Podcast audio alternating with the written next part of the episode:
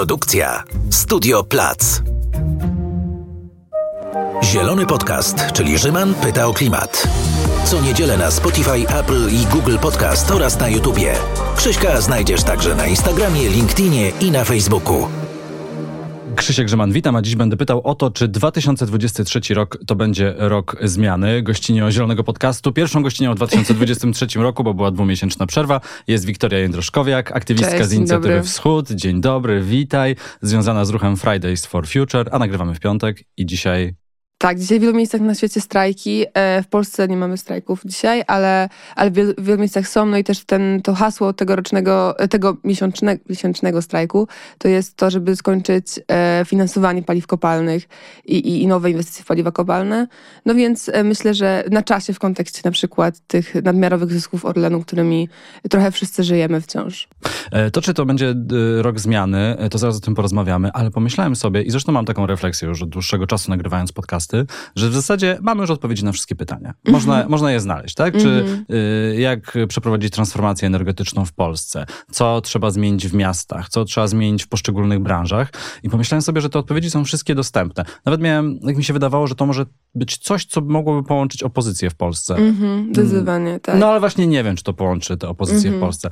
No ale jest Przekonamy teraz... się jesienią. Jest teraz duży hype na, na sztuczną e, inteligencję, e, chat GPT, wszyscy o tym wiemy, e, e, zacząłem z tego korzystać.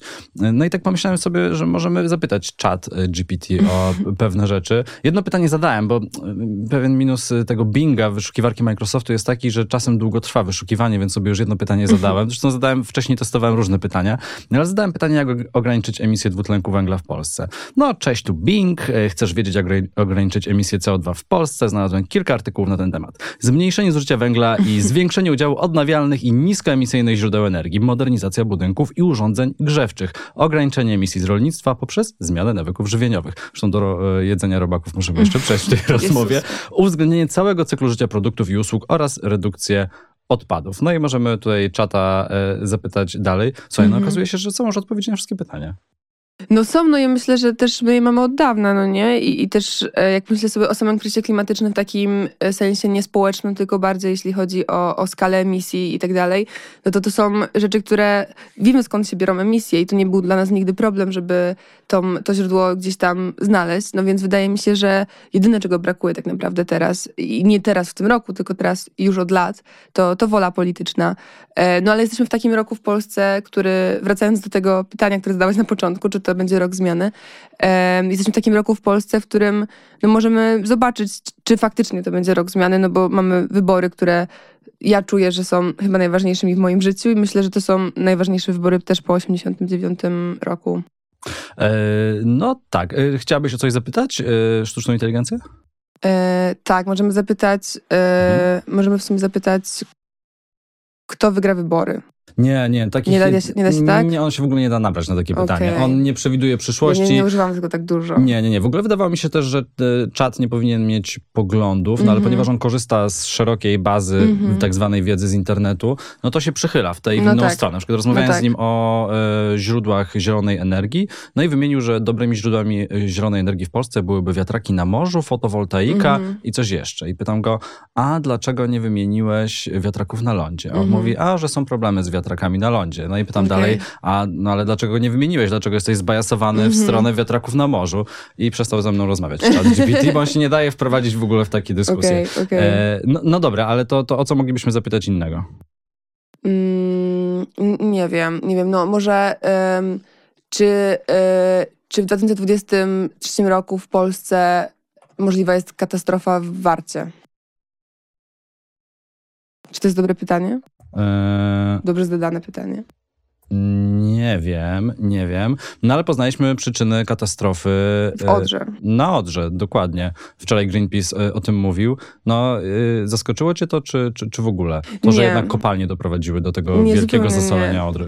Nie, zupełnie mnie to nie zaskoczyło, e, bo, bo wydaje mi się, że no, jeśli gdzieś tam rozumiemy, że paliwa kopalne zabijają, to wiemy, że na różnych poziomach i nie tylko względem emisji i powodowania kryzysu klimatycznego, bo widzimy też, nie wiem, wojnę w Ukrainie, która też jest wynikiem tego, że paliwa kopalne zabijają. No więc to jest, myślę, kolejny przykład po prostu naszej układanki krwawych, krwawego węgla i gazu i ropy. E, słuchaj, to bardzo proszę odpowiedzieć od Binga. Nie mogę przewidzieć przyszłości, ale mhm. znalazłem kilka źródeł, które mogą ci pomóc ocenić ryzyko katastrofy na rzece Warta w 2023 roku. No i opisuję tutaj historię e, katastrofy ekologicznej na Odrze. Może się to powtórzyć w 2023 roku, jeśli nie zostaną podjęte odpowiednie środki zapobiegawcze. Zmiany które klimatu, zostały podjęte. E, tak. Zmiany klimatu wpływają na jakość i ilość wody w rzekach i jeziorach w dorzeczu Warty. Można to prowadzić do zwiększenia częstotliwości i intensywności susz, powodzi i zanieczyszczeń. No i jeszcze taki ogólnik, że rzeka Warta jest ważnym elementem polskiej historii i kultury. Jest wymieniona w drugiej zwrotce polskiego hymnu narodowego. Tak, przejdziemy Wisłę, przejdziemy Wartę. Mi się bardzo podoba to, że Bing podaje też e, źródła teraz, bo chat GPT pierwszy nie podawał skąd bierze -hmm. informacje. Jak na przykład piszesz coś tam o zmianach klimatu, e, to pojawia się jako źródło strony rządowe. Super. Tak, czyli wiedza jest okay. gdzieś tam głęboko, mm -hmm, głęboko ukryta. Jeszcze jakieś pytanie? To już ostatnie. To może teraz ty. E, to teraz ja. No dobrze, e, to ja bym zapytał, albo może wrócił e, do tego, co pytałem, jakie są wady i zalety farm wiatrowych. I mhm. Bing jest ciekawy, bo rzeczywiście je wymienia, mhm. wady i zalety, i to pokazuje mniej więcej to chyba takie podziały w Polsce polityczne, tak? Okay. Że, że te zalety y, są związane z niskoemisyjnością, a wszystkie wady są związane z jakimiś tam odczuwalnymi strachami. Mm -hmm. No i nie pokazuje jakichś takich wad konkretnych. Okay. Więc to, to, to, to, było dla mnie e, ciekawe. E, no słuchaj, no, odpowiedzi są. no odpowiedzi są, ale też myślę, że bez e, inteligentnej, e, bez e, artificial intelligence by, byłybyśmy w stanie sobie te odpowiedzi wysnuć, no nie? No bo też, nie wiem, mamy miliony książek w Polsce o tym, na różny sposób napisane, w jaki sposób kryzys klimatyczny powstaje i dlaczego w Polsce również go, go powodujemy, czy nasza gospodarka go powoduje. No więc to jest, e, no nie jest to szoker. Nie jest to, nie jest to szoker e, zdecydowanie. E, sztuczna inteligencja pozwala też na przykład przejrzeć programy polityczne partii i zapytać. Może ktoś w końcu to zrobi poza, poza dziennikarzami w tym kraju wtedy i samymi politykami. Ale nie wiem, ale nie wiem, czy tak się stanie. Czy kryzys klimatyczny będzie numerem jeden w debacie politycznej na jesieni? Nie, zdecydowanie nie. Ale nie? myślę, że to dobrze. W sensie uważam, że e, uważam, że kryzys klimatyczny będzie zawsze już w debacie gdzieś tam na, na sztandarach. Nie będzie numerem jeden, bo nie powinniśmy też tworzyć debaty, w której kryzys klimatyczny jest jakimś osobnym tematem, od którego po prostu można się odciąć. I, i widzieliśmy przez ostatnie lata, że to nie działało po prostu i że wtedy te osoby, które gdzieś tam albo zaczęły kumać kryzys klimatyczny w takim kontekście naukowym, po prostu wierzą w naukę, idą za nią, zaczęły się tym interesować, albo po prostu takie bardziej wyborcy czy politycy, którzy byli bardziej zieloni, no nie? W sensie dbają o Puszczę Białowieską też, więc zainteresowali się też, e, też kryzysem klimatycznym. To, co mi się wydaje, że będzie głównymi tematami wyborczymi, e, to będzie gospodarka i te rzeczy takie bardziej o ostatnio um, mówiłyśmy z Dominiką Lasotą, że bardziej o końcu miesiąca niż o końcu świata. No ale one są ze sobą niesamowicie związane i myślę, że naszym zadaniem też jako aktywistek klimatycznych jest pokazanie tego, jak kryzys klimatyczny, kryzys energetyczny, inflacja, wojna w Ukrainie i te wszystkie rzeczy są, są powiązane i tak naprawdę mają, mają swoje źródło w paliwach kopalnych. E, bo, bo mam wrażenie, że wciąż e, gdzieś tam ludzie to rozumieją już na takim poziomie prostym, ale jednak jest tak, że trzeba to przypominać i trzeba to też przypominać e, politykom, no nie? Którzy gdzieś tam nie mogą właśnie tworzyć sobie polityk klimatycznych, które są oderwane od, od pozostałych, pozostałych części ich programów. E, trochę się już tutaj pojawił temat wiatraków, nie przez przypadek, dlatego mm -hmm. że wiatraki są na tapecie w Polsce praktycznie cały czas od 2016 tak, roku, się, kiedy zostały e, przez koalicję rządzącą, e, ich budowa została zakazana. Wtedy wprowadzono zasadę 10H, e, to był 2016 rok, jesteśmy w roku 2023 mm -hmm. i w zasadzie od 8-9 miesięcy prowadzi się w Polsce taka, znaczy toczy się w Polsce taka dyskusja, kiedy wreszcie zostaną odblokowane mm -hmm. wiatraki, bo jest już podobno wola polityczna po prawej stronie mhm. sceny politycznej, żeby to zrobić. Przez dwa miesiące nie było podcastu i w zasadzie nic się nie wydarzyło w tym temacie. Poza tym, że no jest tak. projekt, który przeszedł z Sejmu do Senatu i znowu y, ktoś, a dokładniej poseł Marek Suski, chociaż tak naprawdę to nie tylko on, on złożył tę poprawkę na jakiejś wygniecionej kartce papieru czy na serwetce, znowu próbuje te wiatraki w Polsce y, przyblokować. Mhm. Y, wy też robiliście duża, dużą akcję, przynajmniej medialnie dużą mhm. akcję a propos wiatraków, a propos tej mm, zasady y, 500 metrów. Czy macie nadzieję, że w przyszłym tygodniu, bo tak naprawdę wtedy zbiera się Sejm, wreszcie te wiatraki zostaną w Mhm. Polsce odblokowane? No myślę, że kwestia wiatraków w Polsce jest trochę taką rosyjską ruletką i myślę, że nie bez, nie, nie bez e, przyczyny rosyjską też w tym, e, i tylko nie tak metaforycznie rosyjską ruletką, tylko faktycznie e, taką, która wynika z jakiejś woli po prostu bardzo małej grupy osób w parlamencie, która ewidentnie ma i rosyjskie wpływy, ale też takie na maksa prawicowe i po prostu antyklimatyczne i antyludzkie dla mnie po prostu e, gdzieś tam e, sentymenty. E, no więc ta, ta malutka frakcja w postaci Solidarnej Polski, jakichś tam kilku tak naprawdę posłów PiSu, no wciąż gdzieś tam trzyma i, i ciągnie w tą antywiatrakową czy antywiatraczną stronę e, ca, całą Zjednoczoną Prawicę, no nie? Co, co jest złe oczywiście, z drugiej strony dla mnie też jest tak, że no to jest dla mnie absurdalne, jeśli premier Morawiecki, który ma bardzo klarowne zdanie, mam wrażenie, jeśli chodzi o wiatraki na lądzie i czasami jak on e, w ostatnich miesiącach wypowiadał się na ich temat, to miałem wrażenie, że mówi to samo, co ja bym mogła powiedzieć bez żadnego problemu, gdy mówił na przykład o tym, że musimy odblokować ustawę 10H, bo nie możemy sobie pozwolić na drogi katarskie gaz, czy, za, e, czy na ruski gaz, który jest krwawym gazem, czy, czy, czy, czy, czy takie tam różne argumenty. No i wydaje mi się, że jeśli on daje się wciąż robić gdzieś tam w balona przez Zbigniewa Ziobrę, no to to tylko pokazuje to, w jak złej kondycji też jest w ogóle obóz rządzący.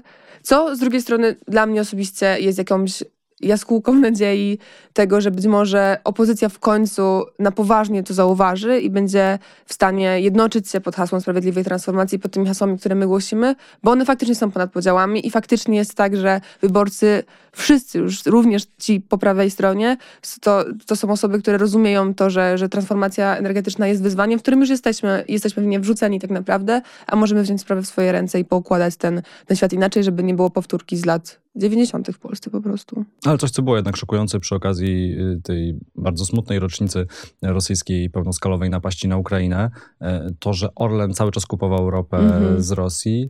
Coś, co wydawałoby się, że szokujące. No, Mhm. Powinno pogrążyć rząd Mhm. w Polsce, szczególnie gdy społeczeństwo jest tak nastawione mm, e, anty.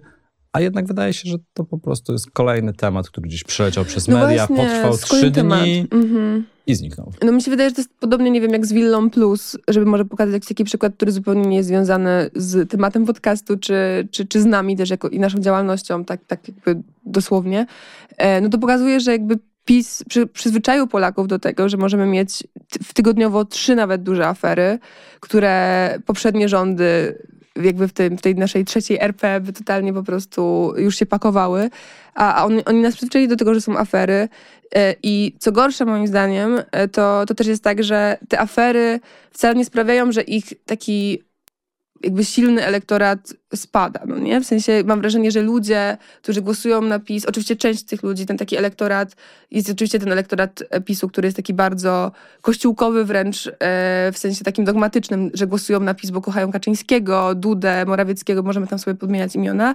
I jest też ten e, fragment elektoratu PiSu, który kocha PiS dlatego, że oni jakby są przekonani, że Polska wstaje z kolan w tym momencie i że jakby dzięki temu, że PiS bardzo mocno trzyma władzę, to Polska, to jest dla Polski sukces. No więc gdy oni widzą po raz kolejny taką aferę jak na przykład Villa Plus, no to oni nie mają poczucia, że Czarnek okrada nas, czy okrada organizacje pozarządowe w ogóle, tylko mają poczucia fantastycznie, robi to dla swoich ludzi.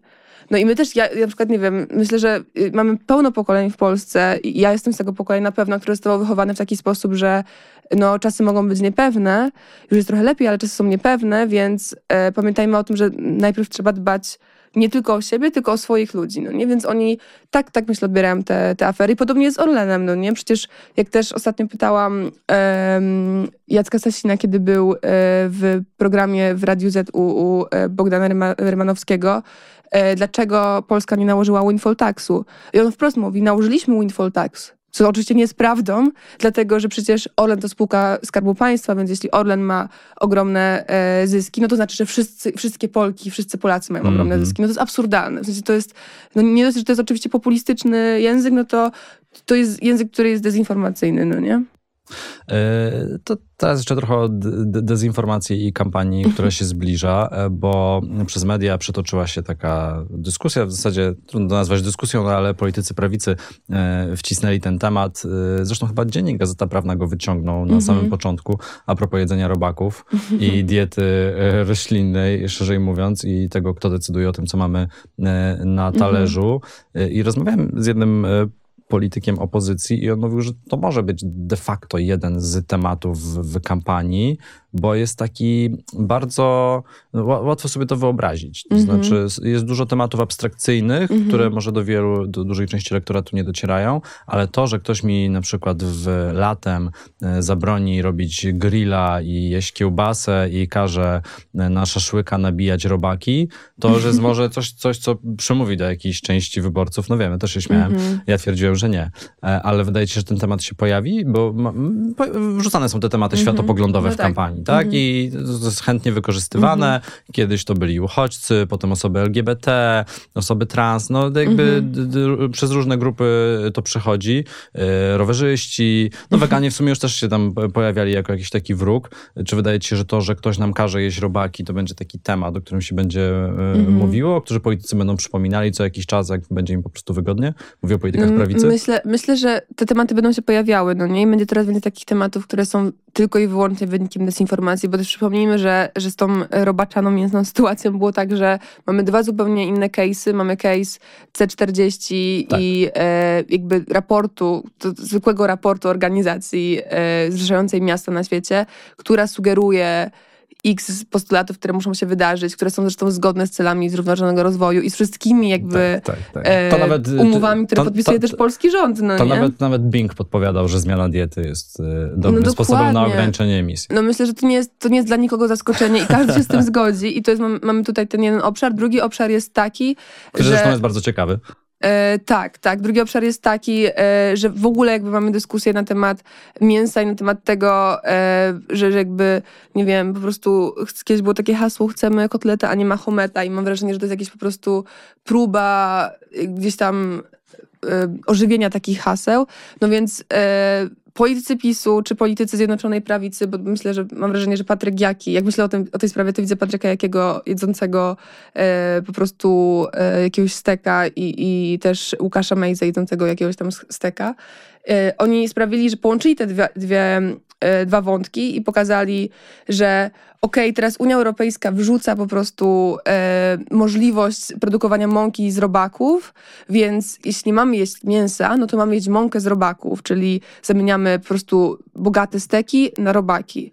To jest absurdalne. W ogóle jest absurdalne, zdaniem... w ogóle to była zgoda wydana dla jednego z producentów no dokładnie i dla mnie to też jest tak, że yy, myślę, że, że, że to, co złego się wydarzyło, to to, że każdy musiał zabrać głos. Również te osoby po stronie wegańskiej, zielonej musiały zabrać głos i po prostu opowiadać o tym, dlaczego teraz e, ta mąka z robaków jest dobra i dlaczego musimy iść w tą stronę, bo wchodzimy w tą dezinformację i to jest bezsensowne. A tak naprawdę oni sami sobie strzelają w kolano, mówiąc w czasach kryzysu energetycznego, w czasach inflacji, gdzie, nie wiem, klasa średnia ledwo wiąże koniec z końcem nawet, o tym, że po prostu Łukasz Meńza, który lata najwięcej z polskich posłów i jego loty kosztują nas po prostu półtora miliona złotych miesięcznie, czy rocznie, przepraszam, rocznie. E, miesięcznie to byłaby lekka przesada. E, czy rocznie to też przesada. To do Sejmu musiałby latać. Tak, i po prostu wrzuca zdjęcie jeszcze z knajpy, jakiejś mega bogatej knajpy pod lotniskiem w Zielonej Górze i no to jest absurdalne, w sensie jakby skala tego tej, tej dramy jest duża, moim zdaniem to będą jakieś małe temaciki, które będą odwracały uwagę. I świetnie oni zrobili. W sensie w zeszłym tygodniu mieliśmy dosłownie publikację czwartego kwartału zysków Orlenu. Zysków, które są astronomiczne, które wiemy e, już dobrze o tym, że e, są z e, ropy z Rosji, czyli po prostu kupujemy ropę z najbliższego nam reżimu, z kraju, który kolonizuje po prostu naszego sąsiada, przyjmujemy Ukraińców, Olen zmienia po prostu logo na barwy ukraińskie, za chwilę kupuje ropę z Rosji i zakrywamy całą tą dramę jakąś po prostu bzdurną dramą o nic, z której nic zupełnie nie wynika i nic nie wyniknie, bo też przecież Rafałowi Trzaskowskiemu nie chodzi o to, żeby nie jeść mięsa. Myślę, że on sam to mięso je. No mam nadzieję, że mam nadzieję, że mam nadzieję, że redukuje. Coś, co mnie bardzo zaskoczyło, e, czy, czy, czy, czytając prasę w tym tygodniu, nie wiem, czy to do ciebie dotarło. Mhm. E, w polskich portalach jeszcze tego nie widziałem. E, otóż okazuje się, że tak przynajmniej jest na zachodzie, może do Polski to też dotrze. Jest bardzo na mocno. Na zachodzie bez zmian. Na zachodzie, no właśnie, to, to jest zaskakujące. Krytykowana jest idea miast 15-minutowych. Mhm. Nie wiem, czy słyszałaś o tym? Nie. No, jest idea. Ja się słyszałam jest idea, idei, ja nie słyszałam miast, jest, jest idea miast 15-minutowych, mhm. tu świetnym przykładem jest e, Paryż.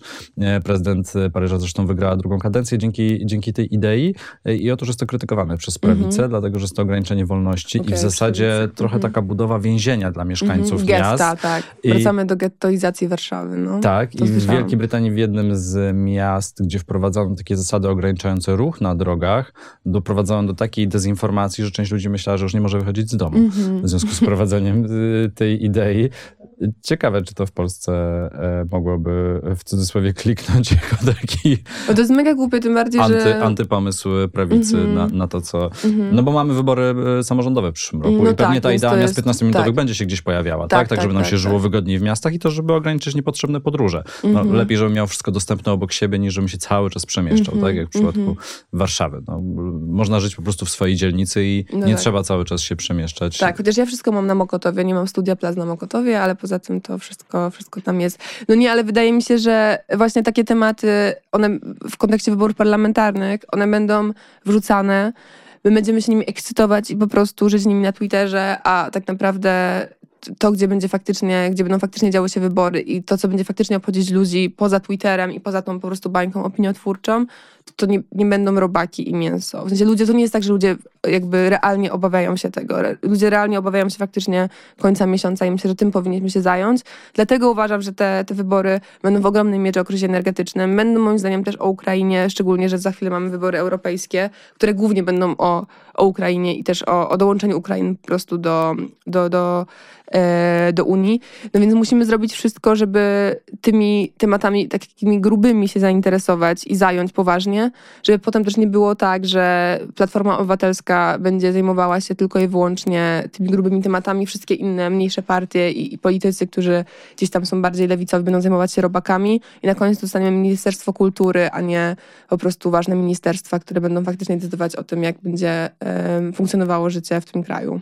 A powiedz proszę, co się dzieje w świecie aktywistycznym, aktywistów e, klimatycznych, no bo e, zaczęliśmy rozmowę od tego, że jest mm -hmm. piątek, na świecie strajki, Fridays e, for Future, w Polsce i, ich nie ma. Mm -hmm. A co się dzieje w środowisku aktywistycznym? Czy też Polskim jest jakieś... środowiskiem Tak, tak. Mm -hmm. I czy też myślicie, no bo na, domyślam się, że tak, o jakichś akcjach już na wybory, mhm. żeby odpytywać...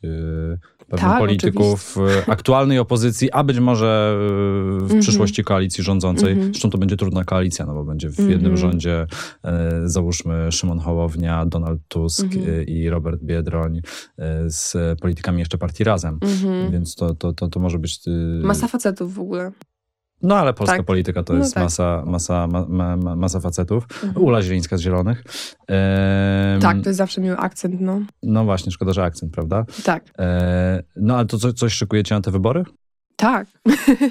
E, no tak, oczywiście. No myślę, że też te działania wyborcze, które my staramy się prowadzić, one się już dzieją. E, I nie wiem, rozmawianie z Andrzejem Dudzie, Dudą o ustawie 10H na kopie też było o tym. No nie? W sensie też było o tym, co robi Zjednoczona Prawica od lat no i w skrócie można powiedzieć, że nic, jeśli chodzi o odnawialne źródła energii.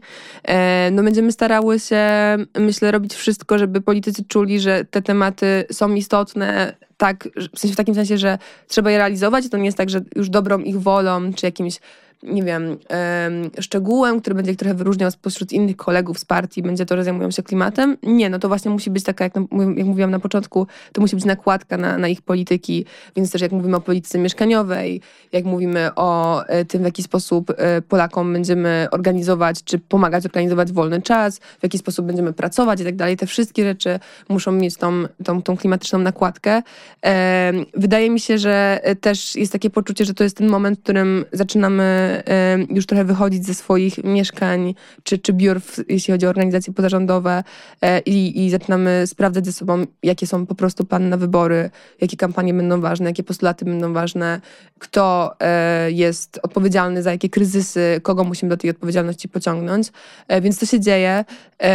No ja jako osoba, która współzakładała inicjatywę Wschód, która też powstała no tak naprawdę bardzo organicznie, bo, bo gdzieś tam na kanwie wojny i, I, właśnie tego połączenia, tego, że wojna i, i kryzys klimatyczny mają te same źródła, czyli paliwa kopalne i naszą zależność od nich.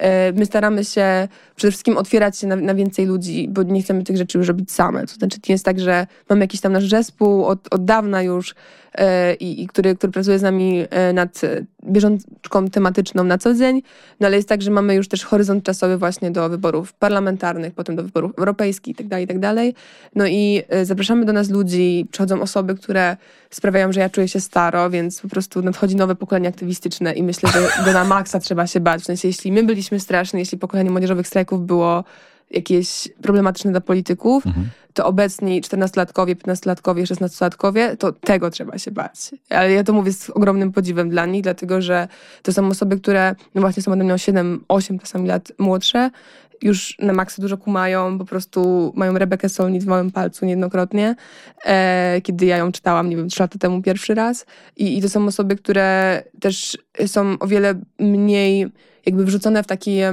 kolejne myślenia o tym, co musi w Polsce zmienić. Tylko dla nich jakby nawet nie jest tak, że sky is the limit. Jakby mamy jeszcze kosmos, więc tam jest dopiero ten limit. I mhm. wydaje mi się, że y, nas to też bardzo uaktywnia, tak, by, by, myśleć o tym, że faktycznie możemy tą Polskę sobie po prostu ułożyć jak chcemy i, i jesteśmy u siebie. No i będziemy starały się to robić i, i zaczepiając wciąż polityków. I myślę, że robiąc e, wszystko, by być wszędzie po prostu. I, i by, by nie było takich sytuacji, że politycy czują, że mogą podpisywać kolejne deale na, na gaz czy ropę, czy że mogą dalej właśnie kupować ropę, szczególnie z tych krwawych kierunków, czy, czy mogą, nie wiem, uchodzić bezkarnie z takich e, katastrof, jak właśnie ta w Odrze. No na to nie, ma, nie będzie już miejsca. No i mamy taką armię młodych i odważnych, którzy, którzy się szykują i myślę, że jeszcze się trochę dozbrajają, ale, ale są gotowi. No i też działamy międzynarodowo, no nie? I dla nas to jest niesamowicie ważne i, i dla mnie w ogóle w tym roku to nabrało ogromnego znaczenia, żeby nie było tak, że gdzieś tam staramy się osiągać takie sukcesy y, jako ruch klimatyczny w Polsce, jak ruch klimatyczny w Niemczech, Wielkiej Brytanii czy we Francji, bo nie jesteśmy z tego klucza i nasze realia, nasze realia są zupełnie inne, strachy są zupełnie inne i tak dalej, więc szukamy gdzieś tam bratnich czy siostrzanych dusz bardziej w tej wschodniej flance, no nie? W sensie osoby z, nie wiem, Chorwacji, Ukrainy, Czech i tak dalej. To są osoby, czyli głównie właśnie z tych, nie wiem, powiedzmy postsowieckich państw, e, czy, czy nawet nie tylko, nie wiem, bo Grecja też jako jakaś taka bardziej południowo-wschodnia Europa. To są osoby, które rozumieją te nasze kryzysy i też na tych międzynarodowych okazjach, szczytach i tak dalej chcemy, by, bardzo wyraźnie to podkreślać i by, by gdzieś tam tą zależność między paliwami kopalnymi a dyktatorami po prostu e, wskazywać. No i mamy rok, który będzie tylko idealny, bo mamy e, COP w tym roku. Szczyt klimatyczny odbędzie się w Dubaju. Szefem, takim prezydentem szczytu e, będzie szef największej, największej, największego koncernu energetycznego w Zjednoczonych Emiratach Arabskich. No więc myślę, że tragedia, ale no też idealne E, idealny grunt pod, pod te wszystkie aktywistyczne działania i mówienie o, o tych rzeczach. No i walkę znowu taką, myślę, że już e, tradycyjnie po prostu ludzie versus wąskie grona polityków, którzy mają na, na względzie zyski. No więc bez względu na to, czy Dubaj, czy Warszawa, to wspólna, nasza wspólna sprawa. O wow, e, chętnie bym cię e, o coś jeszcze zapytał, ale w zasadzie czas nas goni. Gratuluję nagrody, no i zmiany, nie dostałyście dzięki, Dominiką. To, co powiedziałaś o młodych aktywistkach i aktywistach, osobach aktywistycznych, to bardzo ciekawe, bo MSK przecież startowało w 2019 roku. No to tak, no ale latem, było... parę dni temu. No tak, no tylko, że jak myślę sobie o 2019 roku, czy w zasadzie 2018 roku i kopię w Katowicach, bo to był taki początek, już końcówka roku, ale jednak początek MSK, no to ja w 2018 yy, roku kończyłam 17 lat.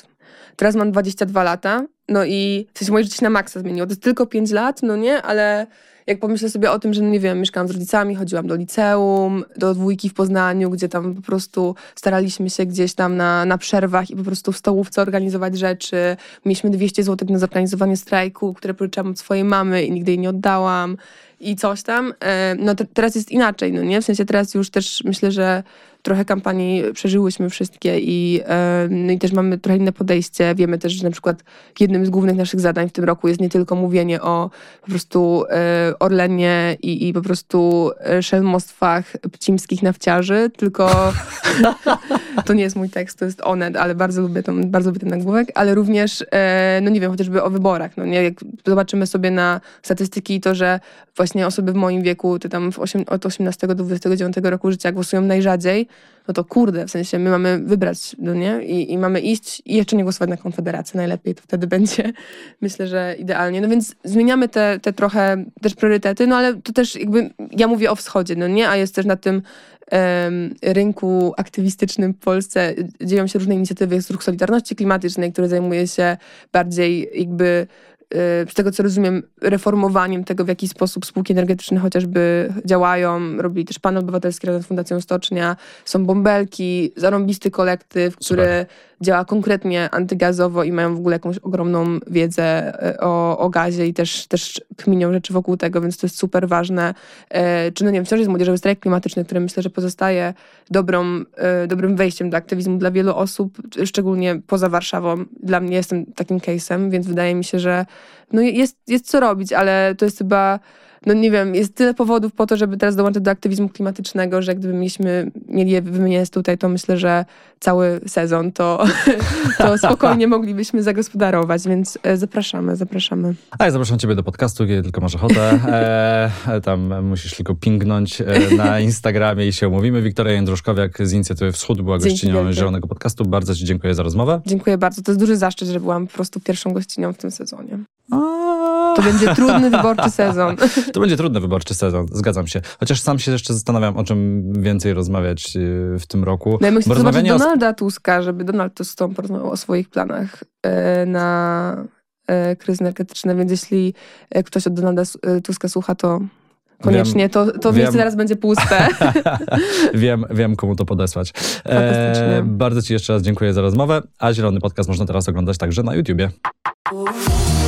To był Zielony Podcast, czyli Rzyman pyta o klimat. Co niedzielę na Spotify, Apple i Google Podcast oraz na YouTubie. Pamiętaj, żeby subskrybować kanał. Nie przegapisz żadnego odcinka.